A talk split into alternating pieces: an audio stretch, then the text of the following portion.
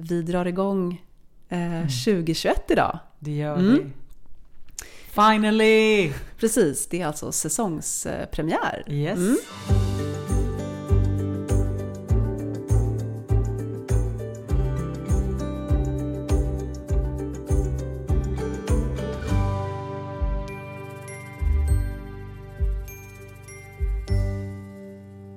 Hej och välkomna till det 41 avsnittet av Präster med gäster med mig, Anna-Fia Trollbäck.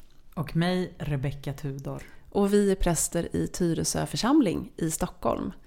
I Präster med gäster så bjuder vi in en gäst, men den gästen är sällan här. Utan det, gästen är någon eller något, något som vi är intresserade av och nyfikna på och som vi sätter oss i förbindelse med. Och så pratar vi om det som kommer upp i mötet med vår gäst. Ehm, Det har varit några slöa första veckor i januari. Men, Men, nu, det är det alltid. Ja. Mm. det är så det ser ut Mm. eh, i början på året. Det tar ett tag, alltid tag att komma igång. Mm. Mm. Och ändå har jag ju varit väldigt peppad inför det här året. Ja, du har verkligen varit jättepeppad. Jag vet. Mm. Orimligt på många sätt förstås. På Mm. nyårsafton så skickade du ett sms och bara fullt av liksom sån energi inför 2021. Och jag började typ svara ett ganska så här, Deppigt. nej men dämpat svar och bara Ja. ja, nej men allt blir bra typ. och så bara, nej men jag måste svara med ja det kommer bli så himla bra. Men jag vet, men jag har haft en, liksom en orimlig känsla inför 2021. Jag tror faktiskt inte att jag är ensam. Jag förstår också att den är väldigt naiv och eh, liksom dum på jättemånga sätt. För att jag menar, jag förstår ju att det liksom inte rent magiskt skulle ske någonting på tolvslaget. Och ändå så var det som att jag har liksom haft den känslan av att det, när, när klockan slår 12, midnatt, mellan 2020 och 2021 så kommer någonting hända. Men jag tror samtidigt att det, är, att det, att det gör det. Ja, för att Mm. jag menar, gör det i mitt inre så, så sker det ju. Det är, Ja. min lilla, det är min, mitt lilla universum. Där händer det. Mm. Eh, jag har en helt annan inställning till det här året. Och det, jag menar, jag är inte oförmögen att se att eh, tillståndet i världen är lika jävligt eh, fortfarande. Förutom att vi har för tusan fått en ny president i USA. Det har vi. Mm. Trump-tiden är över Mm. med eh, Donald Trump som president Mm. i alla fall. Ehm, ja, det, Det var ändå en bra start på det nya året. det har varit en bra start på det nya året. Det är det. Det, det, det är jättespännande tycker jag. Mm. Mm. Ja, nej, men så jag tänker att... Eh, nej men och, och så här var det faktiskt. På nyårsafton eh, mellan år 19 och 20. Mm. Då hade jag riktigt dåliga vibbar. Du hade det? Ja, det hade jag. Mm. Eh, och, det här, och jag brukar annars vara en ganska positiv, eh, positivt inställd människa till Mm. saker och ting. Eh, men jag sa det, att det här kommer, jag, jag har inga, inga, bra, in, inga bra feelings för 2020. Eh, och eh, det kommer, jag, då trodde jag att det skulle handla om mycket förluster. Alltså att jag trodde att det skulle, människor skulle dö i min omgivning. Mm. Eh, men det är ju sant på ett sätt i och för sig. Det har ju dött jättemånga människor. Inte just i min nära omgivning, men Nej. i världen. Eh, så att du kan se mig lite som ett orakel. Ja, du hade en sån hunch. Yes. Ja. Och då tänker jag att om jag har en positiv känsla nu, för det har jag verkligen. Mm. Jag har det fortfarande. Eh, det blir bra. Allt Mm. blir bra. Eh, allt är på gång. Det händer saker. Eh, så att ehm, oraklet Rebecka har talat. Precis. Eh, jag, jag känner mer att jag har mer ehm, jag vet inte, så här, tillförsikt. Ja, och det, det, det kan man tänka är inte en alltför dum hållning. och kanske en något mer ödmjuk hållning inför eh, livet och världen. Men eh, det kanske är en bra kombination då.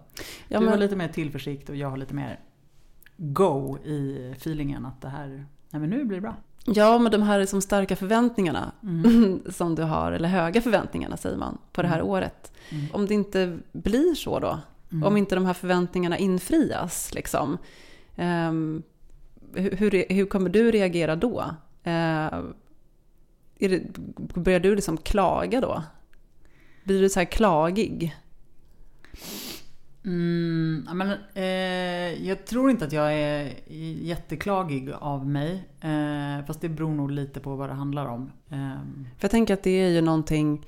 ehm, Alltså att man, när man blir besviken Mm. på att någonting inte blir som man önskar eller ibland till och med inte ens... Eh, ibland eh, kan det vara jätteviktigt att det blir exakt som man förväntar sig. Mm. Och så när det inte blir så Mm.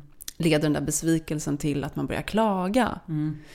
Jo men... Och ehm, då är det ju väldigt tur Mm. att eh, vi nu ska glida in på vår gäst. Mm. Eftersom att i Bibeln finns det en hel liten bok som handlar om klagan. Mm. Idag säger vi välkommen hit till Klagovisorna.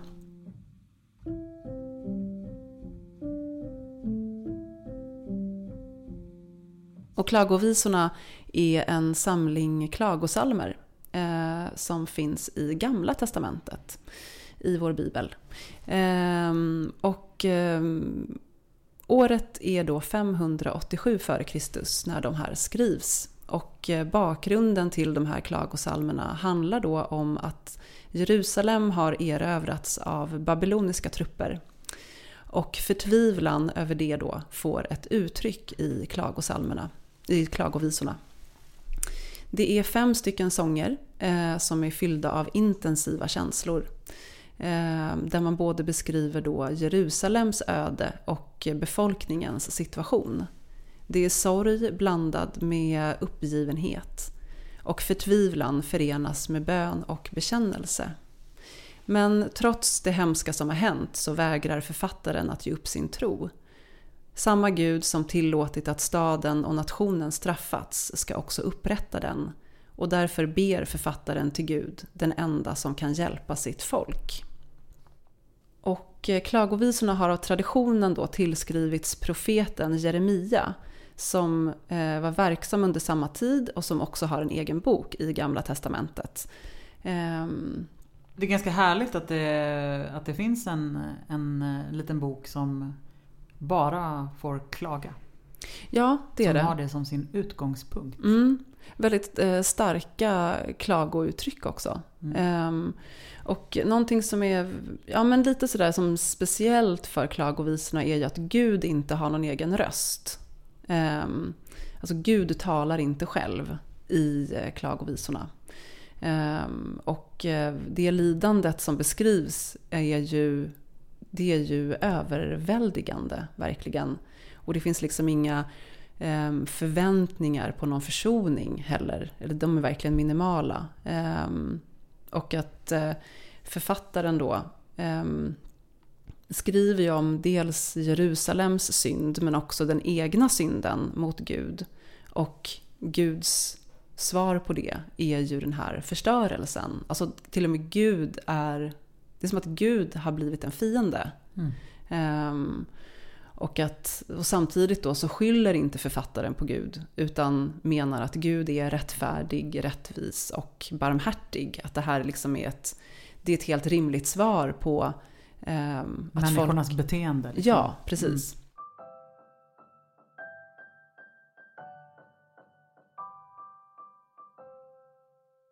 En sak som jag blev uppmärksam på när jag läste ehm, och som fick mig att börja fundera, fundera ehm, är då att, ehm, att folket liksom plötsligt så skyddas inte folket av Gud längre utan alltså att Gud straffar plötsligt sitt eget utvalda folk.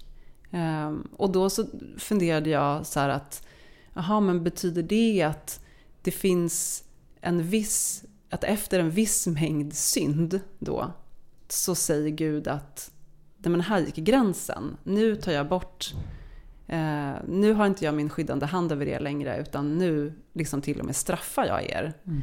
Ehm, Jag orkar inte mer! Nej, precis. Ni, ni, nu har ni gjort Ni för mycket. förtappade. Ja, var, varför förstår ni aldrig? Typ. Mm.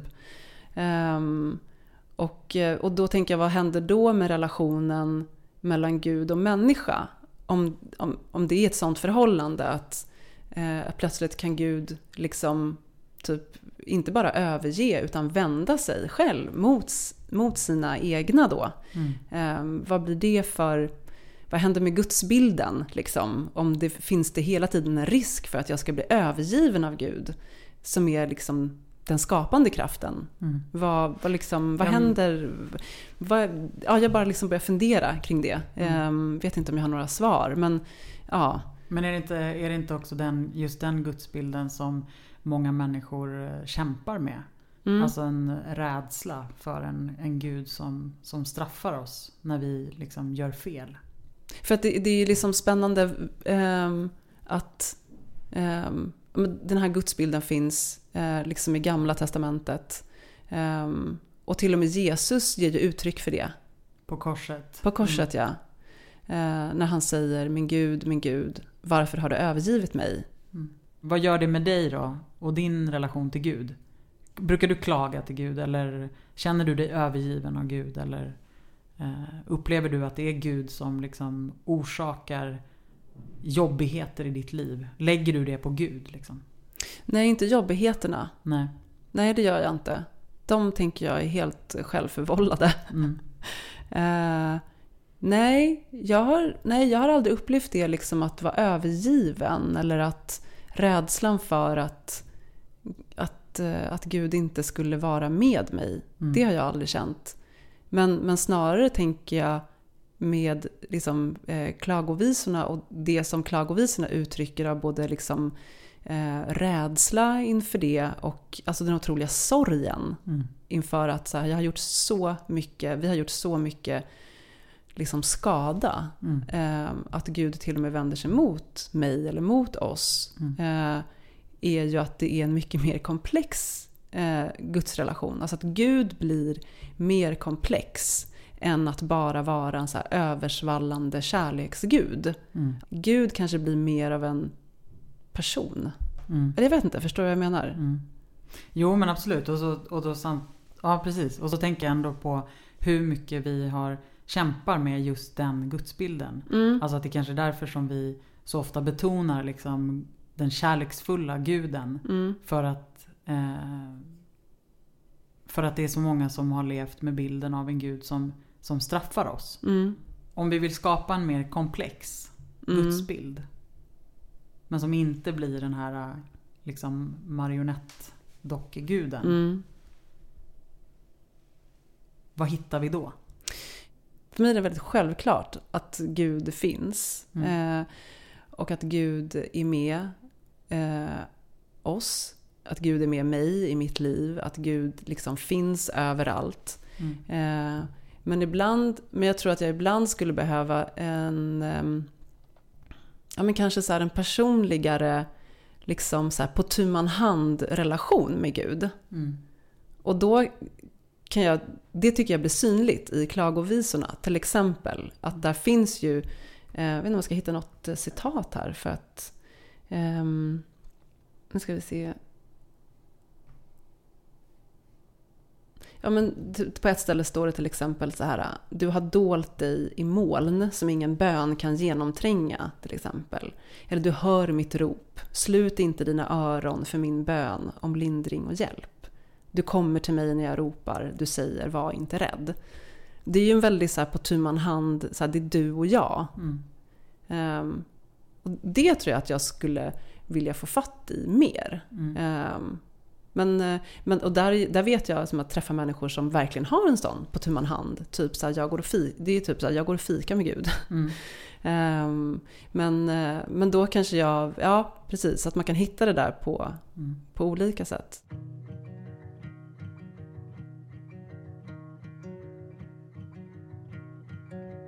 Har du liksom en på tu man hand relation med Gud? Ja men jag tror det faktiskt. Mm. Eh, jag tänker nog att Gud är någon som jag liksom för ett samtal med. Liksom. Mm. Eh, och som jag vänder mig till på ett personligt sätt. Eh, ja.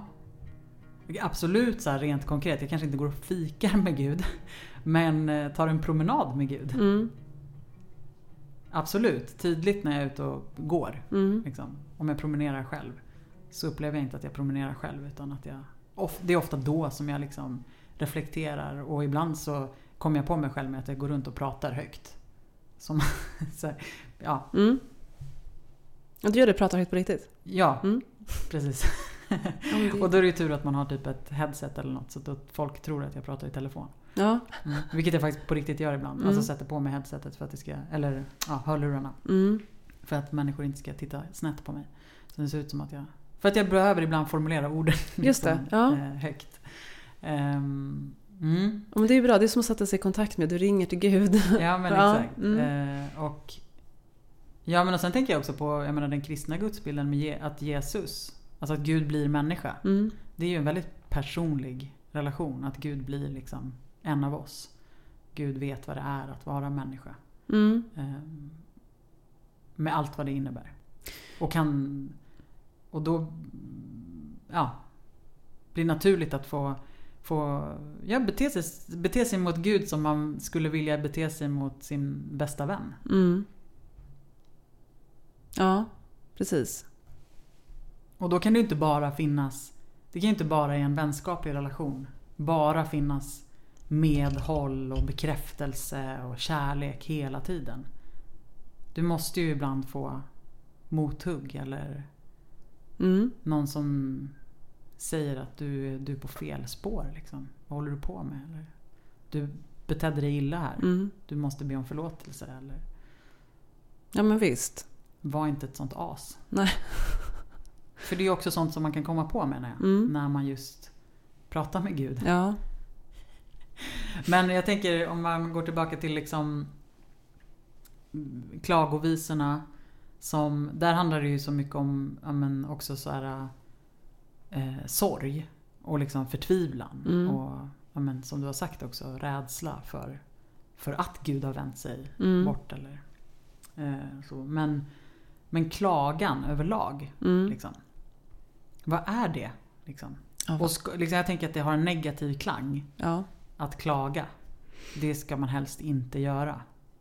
Nej, det Det är är, ganska jobbigt och besvärligt med människor som klagar. Man tröttnar på människor som klagar hela tiden. mm. Ja, det gör man ju. Det är ganska det är fult att hålla på och klaga. Mm. Men eh, det är ju nödvändigt att klaga. Mm. Mm, det pratade vi om här lite Mm. innan. Att Mm. det är ju verkligen nödvändigt att göra det. Eh, Men det är till en viss gräns. För det är också skönt att klaga. Och ens klagan, det är väl det som är kanske grejen med klagan. Att klagan behöver en, en, en, eh, en, alltså klagan behöver lyssnas till. Mm. Liksom. Mm. Eh, behöver nödvändigtvis inte en mottagare. Mm. Men man behöver någon som lyssnar. Alltså, Mm. om du tänker att det finns en skillnad i att vara en mottagare för någonting, då ska man typ ta in hela den andra personens klagan. Mm. Det är inte det, men jag tänker att man behöver någon som lyssnar till ens klagan. Mm. Och ibland räcker det. Man Precis. behöver bara bli av med eh, alltså de här jobbiga känslorna man har kring någonting. Man är sur på något eller man är liksom irriterad. Ehm, ehm, Ja men precis. Och vad... När... Vi pratade ju om det innan att eh, hur man är... Alltså hur man lyssnar på klagan. mm, Och hur man själv är som klagare. ja, Och eh, att viss klagan är ju i allra högsta grad nödvändig. Alltså att, jag menar det är ju... Det handlar ju om att ibland stå upp för någonting eller påpeka orättvisor eller få syn på strukturer som är dåliga. Eh, men ibland kan det ju det där klagan eh, snarare bli liksom till ett gift. ja, verkligen. Alltså, det är ju någonting med att... ehm, för så kan jag känna själv när jag klagar. ehm, att efter att jag har som sagt min klagan. Mm. Ibland, ofta behöver man ju säga det en gång, så behöver man säga samma sak en gång till och så behöver man så här, gå ett, ytterligare ett varv. Ehm, men sen efter en stund så brukar jag typ känna mig jävligt, väldigt trött Mm. på mig själv Mm. till slut. Mm. Men nu har jag hållit på och klagat Mm. över det här liksom en lång stund. Nu måste jag liksom lägga av. Mm. Och det är väl typ när man inte kan lägga av, Mm. utan man behöver, utan man, man liksom fortsätter typ nästan så sprida sin klagan till andra. Mm. Eller att man liksom bygger ett så socialt kitt Mm. mellan andra människor. Där kittet består av att man klagar tillsammans. Precis. Ja, Det men tänker jag, då blir det ju ett gift. Då är det Mm. verkligen, ja men verkligen. Och till slut är det det enda man har gemensamt. Mm. Det man klagar kring, alltså det det. som är negativt. Mm. Och då finns det finns ingenting att skapa där av det. Det finns ingenting att skapa av det. Det är bara negativ energi. Mm. Som bara, bara fortsätter att liksom föda sig själv. Mm.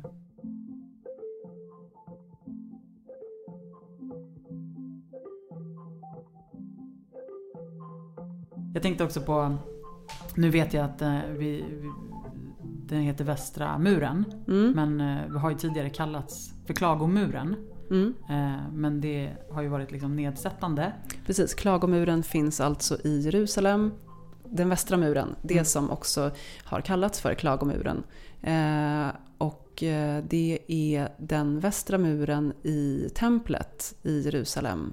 Den enda delen som är kvar av det templet och är en, en väldigt helig plats Mm. för judar och muslimer. Mm. Precis, en plats dit många vänder sig för att be eh, tacksamhetens böner. Eh, Just det. Och så. Eh, lustigt att eh, kristna har kallat den för klagomuren. Eh, Ja, det är för det har ingenting med Klag- klagan att göra. Nej, Men var jag ändå, det var ju du som tänkte, eller liksom ställde en sån fråga innan. mm, Men behöver vi en plats? Liksom? just det. Alltså apropå det här med att behöver vi en mottagare? Vad är det för typ av mottagare? Mm. Skulle man kunna ha en, en helig plats för klagan? Ja, Där vi vänder oss till Gud och klagar. För var- att bli befriade. Just det. liksom. där man bara, precis, man får bara komma med sin klagan. Mm. Och det får mig att tänka på eh, Matilda, min fru, Mm. som tillsammans med en, en vän eh, för många, många, många år sedan Mhm. när de upptäckte att de satt och klagade väldigt mycket. De bodde tillsammans. Och de klagade och de klagade över världens tillstånd och eh, all eländighet. Mm. Eh, och då kom de på idén att de skulle starta en eh, klagobyrå. En, eh, en, eh, ja, en kommersiell idé helt enkelt där dit människor kunde vända sig med diverse klagomål. Det kunde vara precis vad som helst. Mm. Men de skulle sitta där i klagobyrån och ta emot alla klagomål och bekräfta den som klagar och säga Vi har tagit emot ditt klagomål. Vi ser att du har blivit behandlad orättvist Mm. och eh, ja, etc. Ehm, ja, de ansåg att det kanske kunde fylla en funktion i samhället. Att det kanske inte då skulle bli lika förpestande för människors omgivning. Utan då hade man en riktning. Jag får, gå, jag får vända mig till klagobyrån. Just det.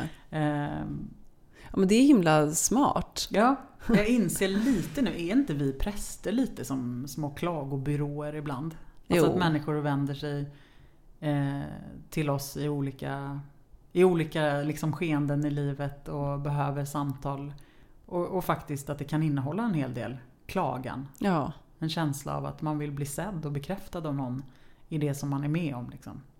ja, men absolut. Alltså vi vill ju... ehm, det är ju fint med oss människor att vi liksom... Vi, ehm, även om det typ, man tänker att klagan i sig är någonting, att det handlar om negativa saker. Ehm, så vill vi ändå så här... Vi vill liksom prata med någon. Vi, vill, alltså vi är så sociala. Så att vi, så vill ändå nå ut, även om vi bara har klagan att komma med. Så Mm. bara snälla, hör mig. Liksom. Så här jobbigt är det i mitt liv. Precis, och ibland så handlar det inte ens om att man behöver vara någon lösning. Nej. Eller att ens, det finns kanske inte ens någon lösning, det bara är så här. Men och då tänker jag att det är klart att det är viktigt med också den typen av klagan som kan vara på ett lite mer ytligt plan. Mm. För att det är ju, eh, ja, fromt uttryck vad hjärtat är fullt av. Ja. Alltså att vara sann. Alltså att vi också, allting måste få finnas liksom. Eh, jag menar apropå att jag inledde med att jag är en, jag är en sån positiv människa. Det är jag ju inte nödvändigtvis. Men, och det tänker jag att vi verkligen inte kan gå runt och vara. Liksom. Nej. Och tänka att det är det som är liksom att vi måste vara så positiva hela tiden och, och nej, vi får inte klaga och man får inte göra si och så. Det är klart att vi får klaga ibland liksom. ja men exakt. Ja, jag tycker precis att man kan slå ett slag för att vi behöver klaga. Mm. Mm.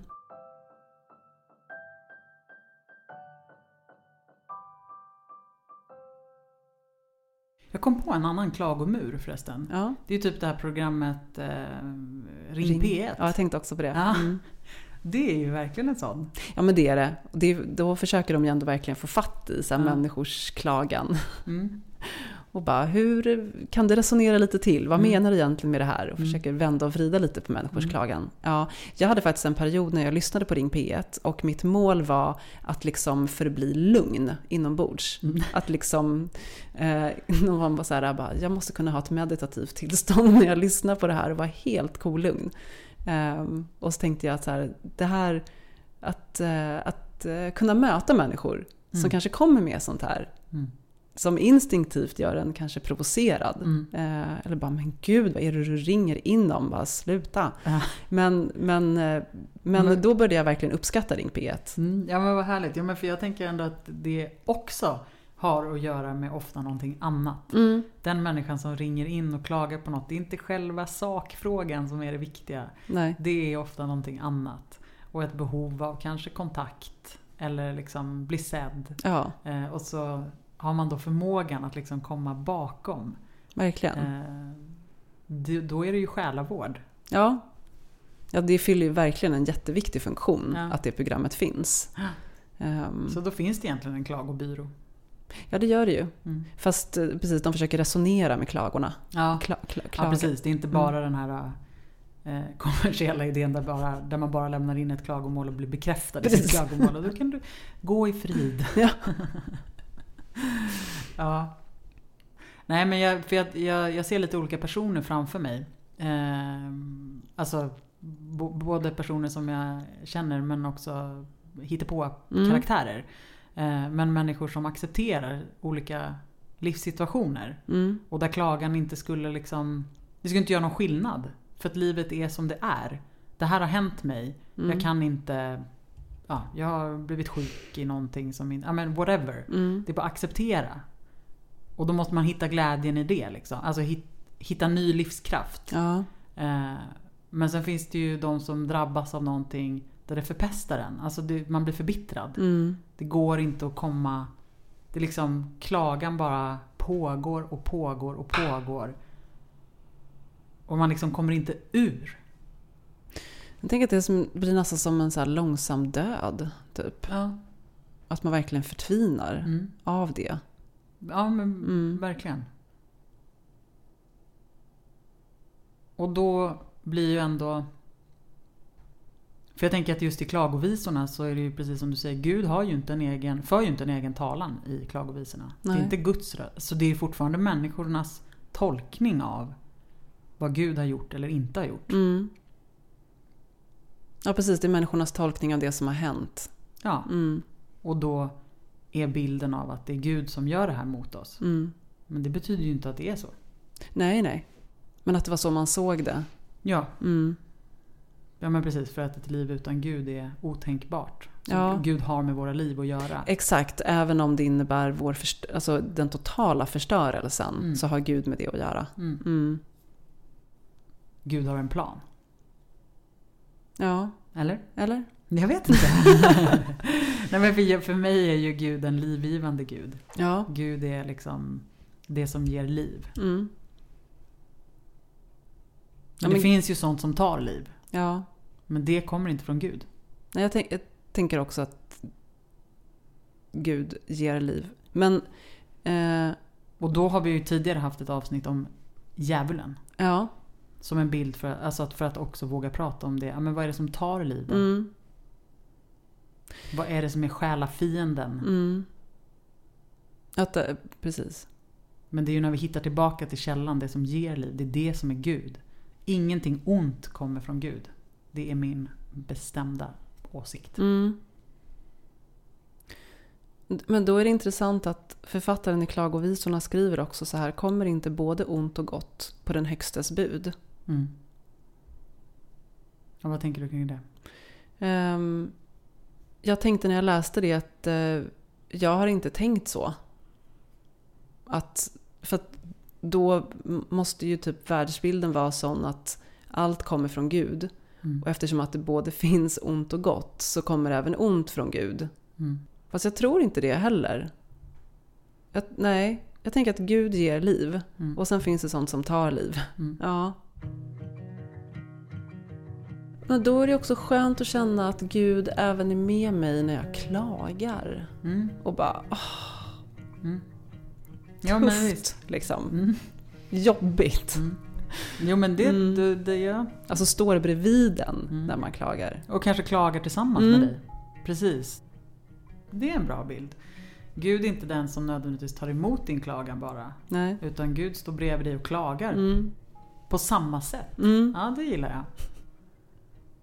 Står liksom förtvivlat. Och det, det är så konstigt att jag vill få upp den här bilden av en mur hela tiden. Ja. Men det är på något sätt jag gillar den liksom. För att det, då är det som att jag liksom vill nästan stå där och liksom slå mot muren. Och Mm. liksom få ur mig förtvivlan och klagan. Och, och, ja, älskar den tanken på att Gud står bredvid mig och också Mm. liksom slår mot den och klagar. Mm. Ja, det tycker jag. Tack. Varsågod.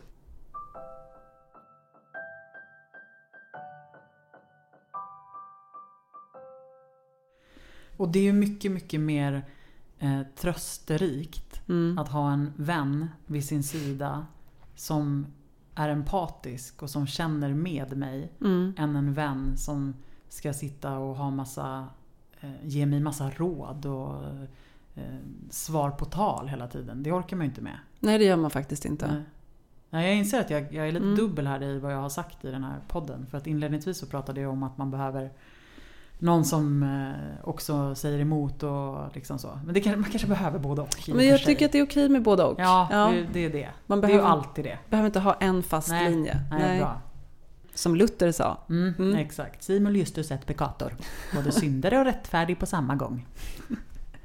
Hörru vilken snygg tröja du har på dig. Tack! Det är en julklapp. Fantastisk. Det är massa kvinnosymboler. Stick, alltså den är stickad. Mm. Eh, Det är, någon, det är en jättesnäll person som har gjort den till dig. Ja, det är det. Ja. Skitsnygg. Mm. Den är väldigt skön också och den är helt unik i sitt slag. Det finns bara jag som har den. Mm. ja, Mm. ja, den får du inte klaga över. Den klagar jag inte över. Ehm, ja, men det känns ju riktigt eh, kul, riktigt gött att vara igång ja, igen. Ja. Nu kan ni räkna med att eh, det kommer ett avsnitt till om en vecka. Yes. Eh, för nu har säsongen satt igång. Yes. Mm. Mm. Vi, eh, vi säger så bara. Mm. Mm. Härligt. Ha det så bra. Hej då! Hej då!